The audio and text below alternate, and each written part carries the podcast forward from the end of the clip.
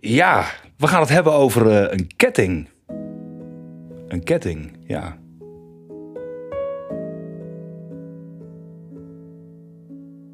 Wat maakt een sieraad een sieraad?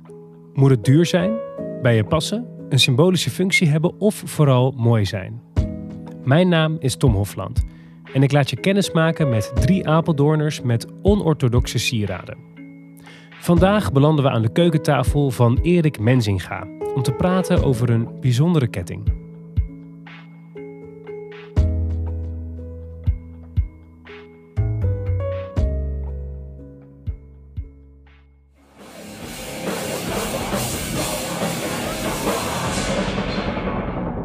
Ik was toen behoorlijk actief in de muziek, tenminste in wording. En eh, ja, ik merkte al dat ik dat ontzettend leuk vond. Ja, en dan een gezin hebben erbij. Ja, dat is heel lastig als je alleen wil feesten je hele leven.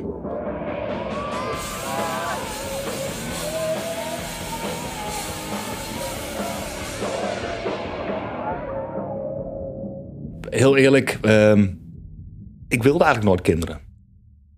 Tot ik eh, de moeder van Isa leerde kennen. De moeder van Isa eh, en mijzelf hebben ons eh, leren kennen op een festival in Duitsland. eh, een van de grootste festivals in Europa op metalgebied, op hardrockgebied. We waren allebei uniform in het zwart. Is ook makkelijk trouwens met de was. Moet ik trouwens, dat is een tip. dat scheelt een heleboel gedoe. En we zijn bij elkaar gekomen. En dat kwam door de muziek.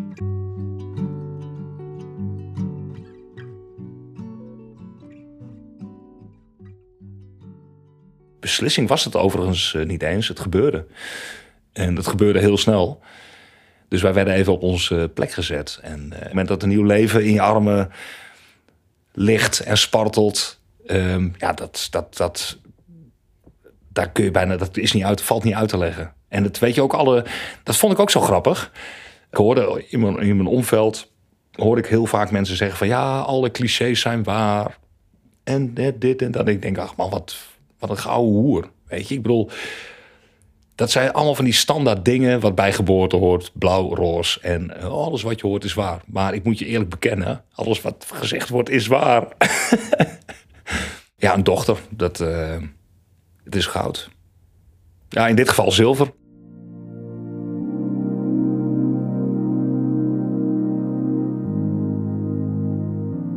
Eh, Onze dochter heet Isa. Nou, Isabel, alleen we hadden wel eigenlijk in eerste instantie het idee van eh, Isa is wel het uitgangspunt. Dat had er eigenlijk mee te maken dat eh, wij eh, allebei nogal van wat, wat, wat luidere muziek houden in het hardrock genre. En er is een Noorse band ehm, en die hebben een plaat en die heet Isa. En die kwam nou, ruim voor de geboorte van onze dochter kwam die plaat uit. Alleen dat nummer heeft ons eigenlijk toen we elkaar leren kennen best wel verbonden.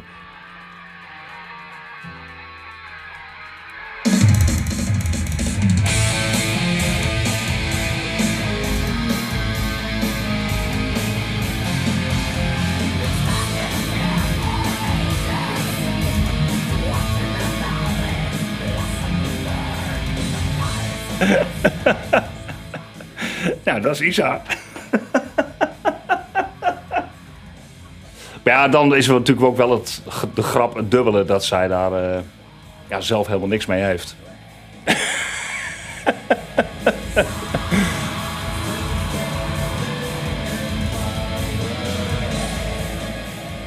dus het werd Isa, ijs.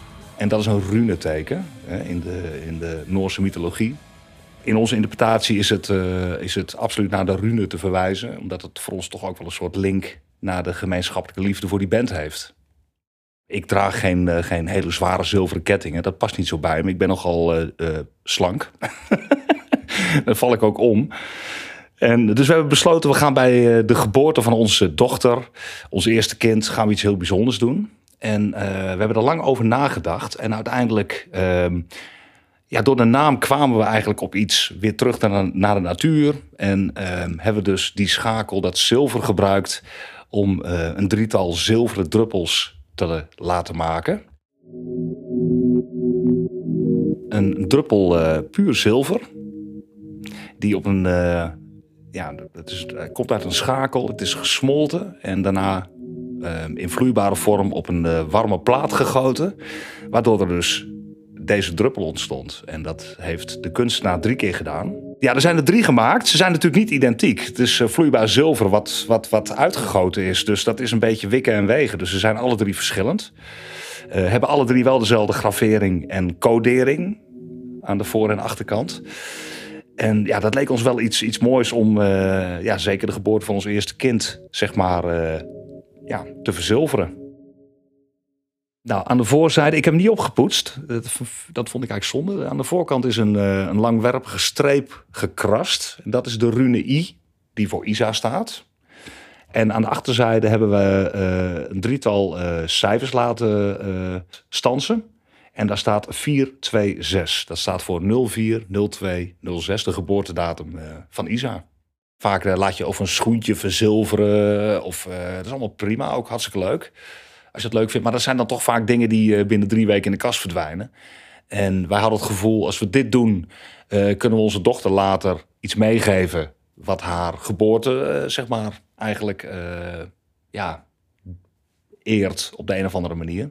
En voor ons een hele mooie herinnering. Zoals wat ik al zei, ik speelde veel in Nederland, België, Duitsland, was veel onderweg. En ik had toch altijd mijn dochter bij me. En dat voelt toch wel erg goed. Ik denk dat de, de, de metal scene een hele ijdele scene is. De haren zijn altijd goed verzorgd en geknipt, ook al zijn ze lang. Het is altijd tip en top. Um, en er wordt veel geïnvesteerd in sieraden, inderdaad. Er wordt veel geïnvesteerd ja, in elke vorm. Van tatoeage tot piercing, uh, noem maar op. Je kunt daar heel, uh, je kunt het heel breed uitmeten. Het is, het is natuurlijk ook een, een ander soort afspiegeling van de maatschappij. Maar aan de andere kant ook een gelijke soort van afspiegeling. Ik bedoel, buiten deze subcultuur denk ik dat de gemiddelde Nederlander, wereldburger uh, zich zo manifesteert. En elkaar ook opzoekt door hè, die herkenning. In tekens, in kleding, in kleur.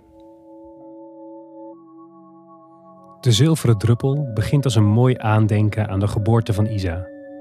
Maar wanneer Erik en zijn vrouw uiteindelijk scheiden, krijgt de ketting nog een betekenis. Dat is ook een ding, hè? Kijk, ik heb dat ding, dat, dat de ketting uh, en de hanger heb ik uh, eigenlijk gelijk in mijn leven opgenomen. En ik heb hem twee jaar niet afgehad. Ik heb hem altijd omgehouden. En daarna eigenlijk altijd in mijn blikveld ga, is die gebleven. Dus ja, dat, dat, en helemaal na de scheiding hè, wil je toch je kinderen bij je houden. En ja, dit was natuurlijk het, het, ultieme middel om altijd te blijven denken aan je dochter. En op een hele positieve manier natuurlijk. En ook over haar moeder, overigens. Heel belangrijk. Ja, we hebben ook een zoon. Ik moet ook, deze vraag had ik ook al verwacht. we hebben daar de keuze inderdaad uh, niet gemaakt uh, om een uh, te maken. Ja, ik denk dat dat ook een beetje het nadeel is van als je twee, als je twee kinderen hebt, dat het opvoeden van de een gaat anders als van de tweede. En ook de dingen die je in de aanloop ernaar doet, dat zal iedereen herkennen. Het fotoalbum van de eerste, die pelt uit. de helft is nog niet, niet eens in het fotoalbum aangebracht. En voor het tweede kind, nou is er ruimte over waarschijnlijk. En dat is, heeft ook te maken met gewenning en dat soort zaken. Dat realiseren we ons ook. En dat heeft ook niks te maken dat we Kai minder lief vinden dan dat we Isa vinden. Dat is een hele gezonde balans. En um, ja, dat brengen ze allebei met zich mee. Dus dit, ja, dit was wel een one-off. En misschien ook wel een beetje het vieren van de eerste keer dat je het leven doorgeeft. En hè, Isa, uh, het vasthouden van dingen. Het borgen van dingen. Dus een, denk ik een goede, ja, goede keuze geweest voor ons. Als we er na 17 jaar nog steeds over praten. In Coda beluister je de podcast in een gratis toegankelijke collectiepresentatie. Mijn Sieraad is een doorlopend project waarbij Apeldoorners vertellen over sieraden met een speciale betekenis. Alles kan namelijk een sieraad zijn, van een bril tot ketting of tatoeage. Benieuwd?